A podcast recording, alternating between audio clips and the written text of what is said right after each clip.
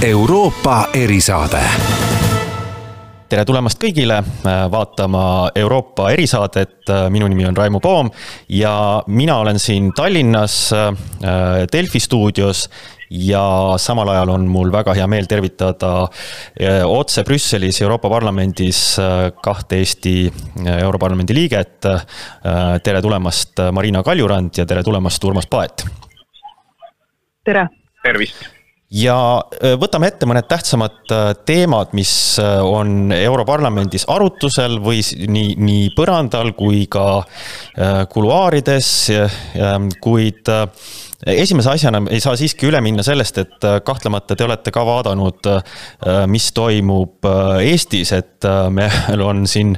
ähm, paras valitsuskriis ja isegi valitsuskoalitsiooni osapooled tõdevad, et on, on väike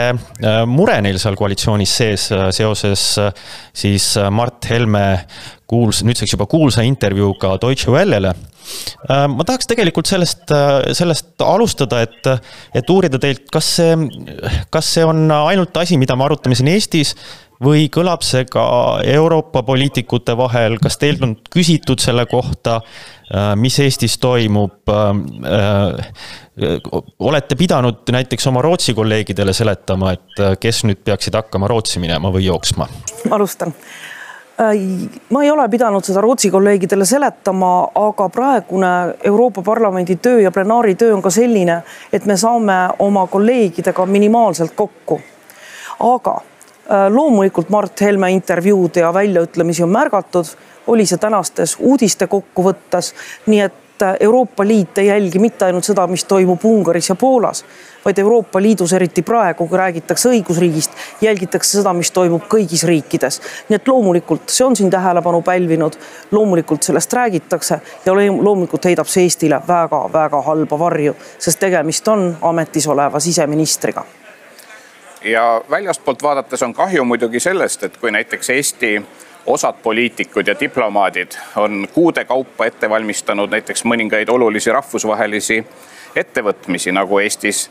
eh, eile toimus näiteks kolme mere tippkohtumine, noh siis paraku ka välispoliitilises plaanis. sellised sündmused jäävad varju, eh, kui on keegi valitsuse liige, eh, kes siis ütleb, et põhimõtteliselt on osa Eesti oma ühiskonnast, kes peaks Eestist lahkuma ja ka ülejäänud valitsus ei võta selles osas ikkagi väga kiiret ja selget seisukohta. Nii et, et selge, et sellistel ütlemistel on Eesti eh, mainele, Eesti ühiskonna kuvandile nii üldisem kehv mõju kui ka nullib ära see väga paljude Eesti diplomaatide ja poliitikute töö Eesti maine hoidmiseks eh, ja Eesti rahvusvahelise autoriteedi hoidmiseks laiemalt ja ma võib-olla täiendaksin ka Urmast, et tegelikult need tweetid või need üksikud killukesed, mis on praegu kõlanud kas peaministri suust või mõne teise Keskerakonna või Isamaa liikme suust, tegelikult see ei ole valitsuse vastutus. Nii kaua, kui siseminister on valitsuses, nii kaua on see kogu valitsuse seisukoht. Ja need vabandamised ja eemalehoidmised ja vingerdamised ei päästa. lahendus saab olla ainult üks, kui valitsus tahab oma nägu päästa, siis see siseminister selles valitsuses olla ei saa. nii kaua, kui siseminister on selles valitsuses, kannab kogu valitsus kaasvastutust tema sõnade eest tegelikult äh, miks ma seda sissejuhatuseks küsisin, sellel on, võib-olla me vaatame seda niisuguse Eesti-sisese probleemina äh, või, või niisuguse ajutise küsimusena. aga Euroopa Parlament arutab tegelikult äh, terve selle sügise siis järgmise Euroopa eelarveperioodi heakskiitmist ja seal on mitmeid küsimusi, mis, mis parlamendil on siis nii-öelda Euroopa riikide vahel saavutatud kokkuleppe osas äh, suvel, et äh, nii siis tavalise eelarve kui selle eraldi äh, kriisi, Covidi siis taastepaketi osas. Ja, ja üks asi, mida Euro-, Euroopa Parlament väga tõsiselt ajab, on just see, et kas Euroopa Liidu vahendid peaksid tulevikus olema, nende kasutamine peaks tulevikus olema seotud õigusriigi Äh, printsiipide austamisega. ja tegelikult on ju ka noh,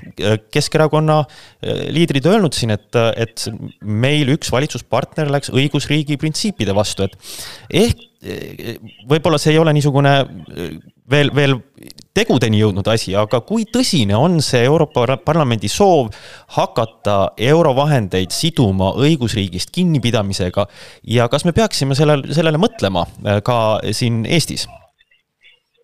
No mõtlema peaks igasugustele asjadele, et see, mida saatejuht nimetas, on üks võimalik kaasnähe, aga see, et, et kahekümnel esimesel sajandil äh, ühe Euroopa Liidu riigi, Eesti minister eh, ütleb välja selliseid asju, et eh, seksuaalse orientatsiooni pärast ei ole osa tema enda rahva eh, nii-öelda liikmetest oma kodumaal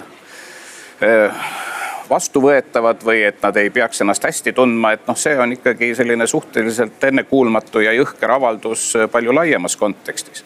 ja rääkida, et see on lihtsalt mingi uitmõte ka ei päde, sest on selge, et tipp-poliitiku ja valitsuse liikme sõna sisuliselt on tegu. et kui ka ajalukku minna ja ajaloost vaadata, siis ega siis ükski kohutav sündmus ka Euroopa ajaloos ei kukkunud taevast ootamatult sülle, vaid sellele eelnesid igasugused väljaütlemised ühiskonnas, õhkkonna muutmine, hirmuõhkkonna tekitamine, nii et, et selles osas tasub ajaloost õppida ja, ja olla selliste väljaütlemiste osas tundlik aga mis jah, puudutab õigusriigi põhimõtteid ja sealhulgas ka Eesti põhiseadust ja, ja seda, et see väljaütlemine kindlasti ka ei vastanud Eesti põhiseaduse ei mõttele ega sättele, on ju, on ju fakt. ja tõepoolest Euroopa Parlament ja ka Euroopa Liit laiemalt äh, soovib siduda ka eelarvelisi eraldisi õigusriigi olukorraga ühes või teises riigis, sest ei saa olla olukord kus mingi riik rikub Euroopa Liidu olulisi aluspõhimõtteid, Euroopa koostöö olulisi aluspõhimõtteid, aga samas sirutab ahnelt käe välja Euroopa Liidust saadava raha järele. Et eh, seda ikkagi tuleb käsitleda tervikuna et kui on Euroopa Liidus põhimõtted, inimõiguste järgimine ja teisalt ka finantsiline, eelarveline solidaarsus, siis need on lihtsalt ühe pildi erinevad osad ja nii tulebki neid võtta Marina Kaljurand no,. no tegelikult on praegu eelarve läbi, läbirääkimiste käigus ka kokku lepitud et äh, õigusriigi põhimõtete jälgimine on oluline eelarve läbirääkimiste kontekstis. Tegelikult leppisid selle kokku suvel ka valitsusjuhid, kui nad äh, esitasid omapoolse nägemuse eelarvest jah, seal on palju küsimärke, sest noh, see kokkulepe oli niivõrd ebamäärane, et koju said sõita nii need, kes ütlesid, et õigusriigi põhimõtted on nüüd olulised, raha hakkab sellest sõltuma, kui koju sai sõita ka Orban ja öelda, meil läks väga hästi, keegi ei pööra tähelepanu demokraatiale Euroopa Liidus. nii et seal on küsimärke kuhu praegu ollakse läbirääkimistega välja jõudnud. ollakse näiteks välja jõudnud, äh, kui ma ütlen läbirääkimised, siis ma mõtlen neid läbirääkimisi, mis käivad praegu Euroopa Parlamendi ja nõukogu vahel siis seal ollakse mm -hmm. välja jõutud sinnamaale, et jah, õigusriigi põhimõtteid tuleb täita, aga milliseid, selle üle vaieldakse. korruptsioon, jah, aga kas ka selline diskrimineeriv suhtumine ka siin äh, vaba põhivabaduste vastu eksimine, kas ka see valdkond, seal loomulikult mõned riigid sõdivad vastu. Euroopa Parlamendile on see väga põhimõtteline küsimus. Ja ma arvan, et eelarvet ei tule, eelarvet Euroopa Liit, Euroopa Parlament ei toeta, kui ei tule täpsemat sõnastust ka selle kohta, mida tähendab konkreetselt, millistest inimõiguste rikkumistest me räägime. sest tegelikult meil on suvest olemas ka üks konkreetne näide, kui Poolale jäeti eraldamata raha piiriäärseks koostööks nendele Poola omavalitsustele, kes kuulutasid ennast LGBT vabadeks tsoonideks. nii et kui ma nüüd tõmban paralleeli Eestiga, siis noh, ma arvan, ei ole raske ette kujutada, kui inetuks läheb meie valimiskampaania järgmisel sügisel, kui see mõttetu referendum peaks toimuma, kui juba praegu loobitakse selliseid lauseid äh, valitsuse liikmete poolt, siis kindlasti pälvib Eesti järgmisel sügisel veel suuremat tähelepanu. Ja ma ei välista, et ka Eestis hakatakse looma LGBT vabasid tsoone, sest noh, kes oleks võinud kümme aastat tagasi Poolas arvata et Poola president nimetab äh, homosid ideoloogiaks ja kohalikud omavalitsused võistlevad selle nimel, kes saab esimesena LGBT vabaks. nii et Eesti peaks seda väga tähelepanelikult jälgima ja sellised väljaütlemised on täiesti lubamatud, sest mingil hetkel hakkavad Eesti inimesed selle eest ka maksma. Urmas, ma igaks juhuks küsin, et kas äh, teie meelest äh, ka see parlamendi suund selles osas on pigem äh, seda õigusriiki vaadata rangemalt ja selles, selle printsiipide jälgimist eelarveraha kontekstis või, või suudavad liikmesriigid selle niimoodi ära lahjendada, et tegelikult jääb see sõnakõlksuks ja küllap saavad kõik kenasti eelarveraha kasutada ka tulevikus nagu vaadata jah, praegu hoiakuid Euroopa Parlamendis ja võrrelda seda siis Euroopa Nõukogus ehk riikide vahel olnud positsioonidega, noh siis oluline vahe on selles, et eh, teatavasti Euroopa Nõukogus eh, ka eelarveteemalisi otsuseid on võimalik teha sisuliselt ikkagi ainult konsensuse alusel, mis tähendab, et kõik riigid eh, pidid olema nõus, sealhulgas ka need riigid, kes arvasid, et see õigusriigi säte noh, neid kuidagi riivab, mis tähendab, et ei olnudki reaalne, et Euroopa Nõukogus sellel hetkel mingisugune tugevam sõnastus tuleks, noh kuna seesama Poola või ka Ungari eh, kindlalt eh, olid eh, sellise tugevama sõnastuse vastu, nii et selleks, et see eelarve üldse saaks edasi liikuda, siis tol hetkel Euroopa Nõukogul tegelikult väga palju manööverdamisruumi sel teemal rohkem ei olnudki. Nüüd Euroopa Parlamendis noh, sellist seesmist piirangut ju ei ole, et inimesed muidugi, kõik on valitud oma konkreetsetest äh, riikidest, aga noh, kui siin vaadata näiteks ka nendesamade riikide Poola või Ungari saadikuid, siis need saadikud ei tule ju ainult äh, valitsusparteidest, vaid need tulevad ka teistest erakondadest, kes samamoodi on mures ja ei ole rahul sellega, millise hoiaku siis mõnedes inimõiguste ja põhiõigusi piiravates küsimustes on nende valitsused võtnud, nii et selles osas see keskkond Euroopa Parlamendis on, on ikkagi oluliselt teine, kuna siin ei ole kellelgi vetoõigust. ja parlamendi tahe jah, ikkagi on see, et kõik, mis puudutab äh, põhiõiguste riivet, äh, õigusriigi riivet, et see peaks olema palju selgemalt tingimuslikult sõnastatud seda nüüd käsitletakse siis läbirääkimistel Euroopa Nõukoguga, et jõuda kokkuleppele. nii et ma, kui ma peaksin praegu midagi ennustama, siis ma arvan, et see sõnastus läheb konkreetsemaks võrreldes sellega, mis ta tuli Euroopa Nõukogust. no võimalik, et ta ei tule täpselt selline, mida see parlament täna siin tahaks, aga kindlasti ta läheb konkreetsemaks ja see võimaldab siiski ka Euroopa Liidul oma järgmise seitsmeaastase eelarve saada nii, aga äh, ma ei saa jätta kasutamata ka seda võimalust, et kuna on niivõrd äh, kogenud ja välispoliitikas äh, hästi orienteeruvad äh, äh, parlamendisaadikud stuudios, et rääkida sellest äh,, mis toimub ka Euroopa Liidu piiride taga ja mis tegelikult on ka käsitlusel parlamendis ja Euroopa Parlament peaks äh, kava kohaselt äh, siin tegeleb sel nädalal pikema Valgevene teemalise avaldusega. Ma tahaks küsida teilt mõlemalt äh, selle Valgevene olukorra kohta, et, et see on nüüd kestnud siin ju, see presidendivalimiste järgne niisugune protest on kestnud juba mitu kuud. me ei näe samas, et, et Lukašenka kuidagi alla annaks, et seal midagi liikuma hakkaks. et, et kas teeme järjekordse avalduse Euroopa Parlamendi poolt ja, ja siis aga, aga tegelikult läheb asi edasi või kas te näete, et seal tegelikult on võimalik ka midagi, midagi selles olukorras võiks hakata muutuma? no jätkuvalt see põhiline pall on ikkagi Valgevene enda inimeste käes, et, et see olemuslik muudatus selles ühiskonnas saab ennekõike tulla siis, eh, kui selle ühiskonna surve osutub piisavalt tugevaks režiimile ja nii et eh, et, et see on põhiline. väljastpoolt, eh, sealhulgas Euroopa Liit saab seda demokraatlikku protsessi nii-öelda toetada kaudselt, saabki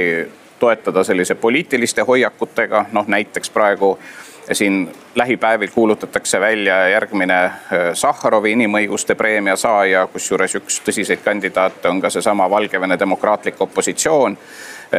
mis on väga selge sõnum Euroopa Liidu poolt poliitiliselt. noh, pluss, eks ole, et sanktsioonide nimekirja on nüüd lülitatud ka Lukašenko ja teised tema käsilased. Äh, midagi on veel teha, eks ole, et täna näiteks idapartnerlusprogrammis osalevana Valgevene saab ka raha Euroopa Liidult, et noh, see on nüüd üks kiireid asju, mis kindlasti peaks saama külmutatud nüüd ja kohe, et Lukašenko režiim nii-öelda vanade lepingute järgi ei saaks Euroopa Liidult mingisugust finantsabi, et, et selline abi ja toetus tuleb võimaluste piires suunata pigem siis demokraatlikule opositsioonile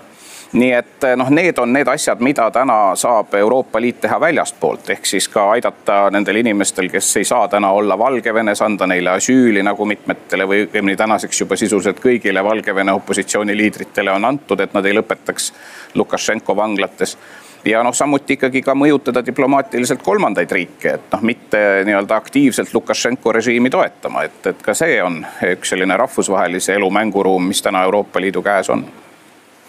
ma, ma, ma lisaks siia selle, et võib-olla Marina, kuidas, kas kuidas näeb välja nagu Eesti tegevus, et äh, kas meie toetust äh, Valgevenele on ka näha selle, selle äh, nii-öelda üleüldise Valgevene toetava tegevuse sees? Noh, kui ma vaatan, milles lepivad kokku Euroopa Liidu välisministrid, siis noh, Eesti välisminister on seal laua taga ja lepib kokku. nii et ma kujutan ette, et Eesti jätkab seda poliitikat, mis tal Valgevene suunal on olnud kas nüüd väga silmnähtavalt, siis kindlasti mitte nii silmnähtavalt nagu näiteks Leedu kellest,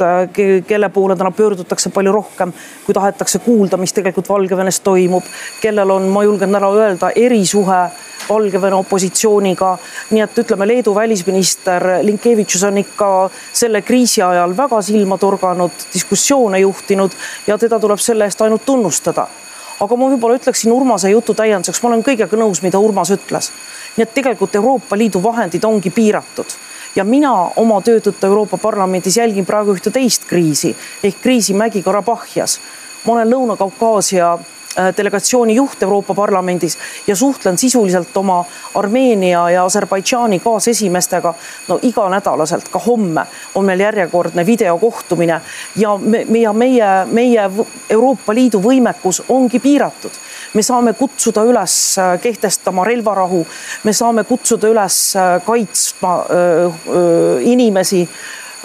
parandama humanitaarolukorda. Me saame kutsuda üles pöörduma läbirääkimiste laua taha, aga see paraku ongi Euroopa Liidu roll, see ongi see võimekus, mida me saame teha nii et jah, ma kuulen ka seda üleskutset, et Euroopa Liit peaks olema aktiivsem ja tegelikult mõnes mõttes ma olen nõus. ma arvan, et Euroopa Liit peaks olema aktiivsem ja ka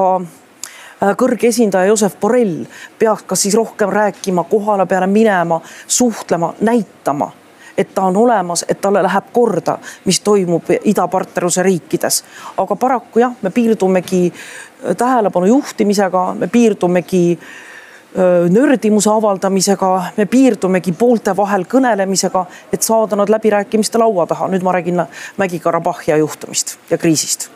kui ma võin siia jah lisada veel ühe, ühe lause, pikema lause siis. et jah, see, mis puudutab ka Mägi-Karabahhi konflikti ehk sõda Aserbaidžaani ja Armeenia vahel, et siis need riigid teatavasti Armeenia, Aserbaidžaan on ka Euroopa Liidu idapartnerlusprogrammi liikmed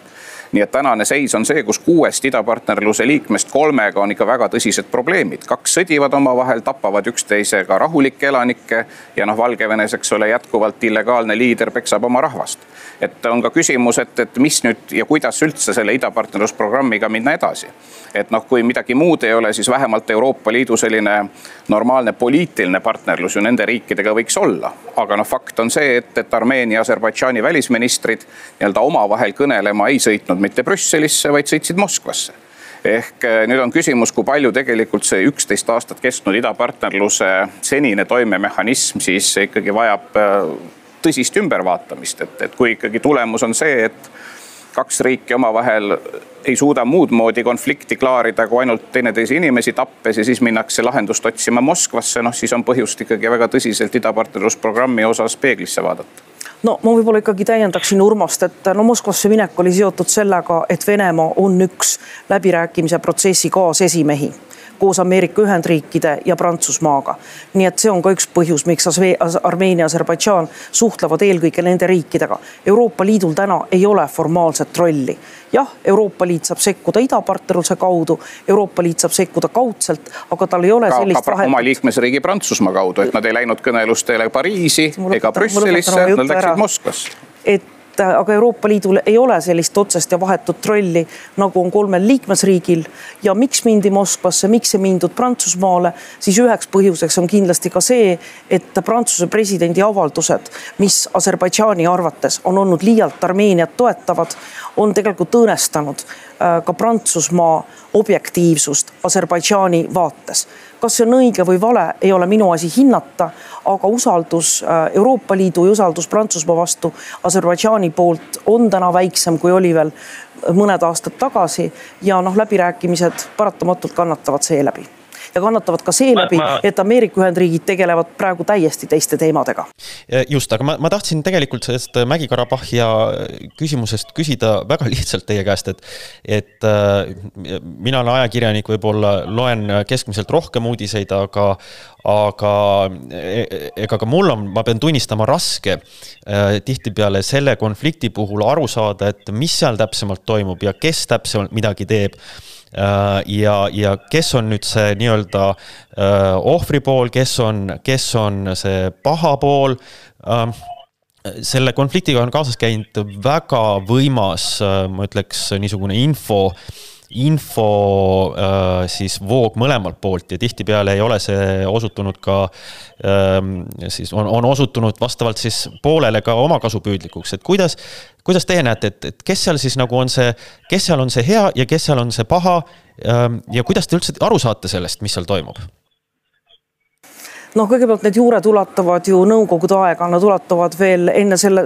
sellesse aega, kui Nõukogude Liit eksisteeris. Ja Mägi-Karabahhia oli osa äh, Aserbaidžaanist, aga kus elas suur Armeenia kogukond.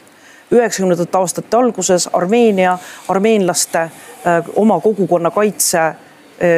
põhjendusega vallutas osa Mägi-Karabahhiast ehk põhimõtteliselt rikkus Aserbaidžaani territoriaalset terviklikkust, mida on hiljem ka ÜRO poolt tunnistatud aga loomulikult on see palju keerulisem. pooled on mingitel hetkedel kokku tulnud läbirääkimiste laua taha ja kokku leppinud, et Aserbaidžaani ter territoriaalne terviklikkuse printsiip on oluline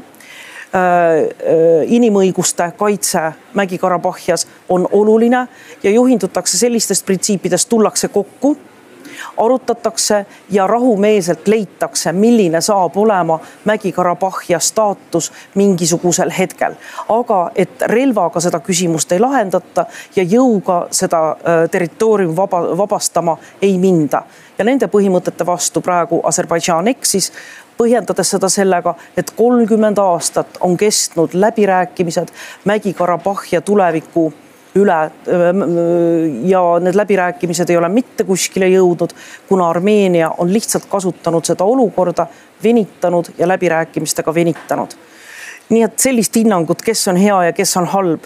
antud konflikti puhul ei saagi anda, kannatavad kõik inimesed, kes seal surma saavad. noh, Mägi-Karabahhi inimesed ei vääri sellist saatust, see piirkond väärib rahu ja, ja, ja julgeolekut ja, ja majanduslikku õitsengut. nii et rahu eel, alguses relvarahu ja pärast rahuläbirääkimised on ainuke võimalus selle piirkonna päästmiseks no vastutavad mm -hmm. selle sõjategevuse eest on tegelikult mõlema poole poliitilised juhid, kes ei ole olnud suutelised midagigi tegema aastakümnete jooksul, et seda lahendada ja nüüd, kui kujutatakse ette, et sellise vägivallaga, sellise sõjalise jõuga on võimalik seda probleemi lahendada, siis see on viga. isegi kui praegu ajutiselt ühel või teisel poolel on sõjaline ülekaal ja, ja midagi seal justkui saavutatakse, siis noh, tegelikult ei saavutata midagi, sest see eh, viha, see kättemaksuiha jääb sinna kestma ja see on ainult aja küsimus, eh, kui see konflikt lahvatab uuesti et seetõttu ainuke mingigi kestev lahendus ju sellel konfliktil saabki olla see, mis on omavahel läbi räägitud ja, ja noh, mingisugusegi kompromissina kokku lepitud. see, et lihtsalt kasutatakse hetkel jõudu ja kellelgi on mingisugune taktikaline eelis, noh, see pikemas perspektiivis tegelikult ei muuda midagi. lihtsalt see, et sajad inimesed, võib-olla tuhanded inimesed saavad surma, tekivad äh, põgenikud jälle, inimesed kaotavad kodud, see on ainuke tulemus. ja selles mõttes äh, jah, see ongi pikk ja keeruline ajalugu, aga antud hetkel see tegelikult ei oma mingit erilist tähtsust. küsimus on olukorras täna ja praegu riikides, kes justkui on tahtnud tulla läänelikku nii-öelda äh, ruumi äh, ja, ja kui see on vastus sellele, noh siis siin ei ole kummalegi poolele võimalik nii-öelda midagi lohutavat või mõistvat öelda, ainuke, mida saab öelda, on see, et lõpetage see sõda ära täna kohe ja hakake läbi rääkima omavahel. nii, ja ma tahtsin lõpetuseks tegelikult küsida niisugust ennustust, et, et siin on vara minna rääkida detailidest, sest me mitte midagi ei tea. aga aasta lõpus peab selguma ka see, mis saab Brexitist ja täna on oktoobri keskpaik juba äh, meil on järgi jäänud napilt kaks ja pool kuud, et leppida kokku Suurbritanniaga siis nii-öelda, äh, kuidas toimub nende väljumine Euroopa Liidust. Ehm, kired köövad, kui vaadata rahvusvahelisi pealkirju, süüdistatakse üksteist selles, et küll siis Briti pool, et Euroopa Liit ei tagane oma nõudmistest ja vastupidi. Äh, ma tahaks lühidalt mõlema teie hinnangut. mis te arvate, kas tuleb mingisugune lepe või on aega jäänud liiga vähe ja me näeme siis seda niinimetatud kõva väljakukkumist? Urmas Paet no ma arvan, et tõenäosus, et tuleb nagu sisuline lepe, selline, mida kõneluste alguses ette kujutati, et selle tõenäosus on tänaseks juba nagu vähem kui pool. Sest noh, kui vaadata, kuhu täna jõutud on ka avalikus retoorikas, mis ju selgelt mõjutab avalikku arvamust ka sealsamas Suurbritannias ühelt poolt, aga teiselt poolt näiteks ka Prantsusmaal, eh, kes on üks eh, väga tõsiseid siis Euroopa Liidu nii-öelda poolseid huvilisi selle leppe osas, kuna see puudutab otseselt näiteks Prantsusmaa kalandust noh, mis on üks väga kirgi küttev teema selles kontekstis, et siis mida rohkem sellist avalikku suurt vastasseisu ja avaliku arvamuse mõjutamist on, noh, seda keerulisem on tulemus saavutada, et kui me oleme jõudnud selleni, kui siin paar päeva tagasi juba Prantsuse president ähvardas Suurbritanniat näiteks piirata energiaülekandeid Suurbritanniale, kui kalanduses kokkulepet ei saada, noh siis kindlasti see juba enam ei ole see keel millega siis eh, oleks väga lihtne tulemusi saavutada. nii et, et noh, kahjuks eh, me seda Brexiti saagat oleme siin aastaid näinud ja, ja see pilt jätkuvalt on keeruline, nii et jah, täna ikkagi kahjuks ei saa ka välistada seda, et uuel aastal see segadus jätkub, kuna tegelikult ikkagi sisulist kokkulepet selles osas, kuidas Suurbritannia Euroopa Liidu ühtse majandusruumiga suhtlema hakkab, ei saavutatagi. Marina Kaljurand, on nii? Jah, üldjoontes ma olen Urmasega nõus, ma arvan, et mingisugune kaubandusleping suudetakse läbi rääkida, sest praegu on veel kaks pool kuud aega ja kui ma vaatan neid küsimusi, mis lahti on, siis noh, kalastamise puhul, kui suudetakse kokku leppida, võidavad kõik Boris Johnson võib ju uhkelt rääkida, kuidas ta hoiab kõik kalad äh, brittidele, aga neil pole krevette ega neid kalu mitte kuskile panna, isegi kui nad suudavad neid rohkem püüdma hakata. nii et ma arvan, et Boris Johnsonil ei ole lõppude lõpuks raske näidata ennast ka võitjana. ma rääkisin läbi kalanduses sellised tingimused, et Euroopa Liidu turg on meile jätkuvalt avatud. ja vaidluste lahendamise küsimus, mis on ka praegu seal lahtine küsimus, ma arvan, et ka seal suudetakse kokku leppida. nii et jah, sellist laiaulatuslikku lepingut ilmselt ei kaubandusleping, mina veel lootust ei kaota, sest noh, kui vaadata seda praegu, see on praegu tegelikult toimub selline poliitiline ärplemine. igaüks püüab näidata, kui väga ta seisab oma huvide eest, kui kange mees ta on. aga noh, mingil hetkel on käes ka kolmekümne esimene detsember. see on muidugi halb, sest noh, tegelikult Euroopa Liidu, Suurbritannia äh, nii-öelda lahkuminek oleks ikkagi pidanud käima nii, et, et hästi, Briti rahvas on otsuse teinud, aga edasi nagu mõistus võidab ja lepitakse kokku, et ikkagi tuleb äh, koos asju ajada, aga noh, praegu kogu see asjade kulg viimastel kuudel on olnud sellele risti vastupidi, on pigem need suhted äh, ära mürgitanud järjest rohkem ja see muidugi pikemas vaates on kehv lugu. nii, aga meie aeg on äh, seekord otsas. Äh, suur tänu, Marina Kaljurand ja Urmas Paet Aitäh. leidmast seda aega meiega Tallinnast rääkima. Delfi Euroopa erisaade on kindlasti tagasi järgmistel parlamendi istungikordadel. kõikidel, aitäh kõigile. Euroopa erisaade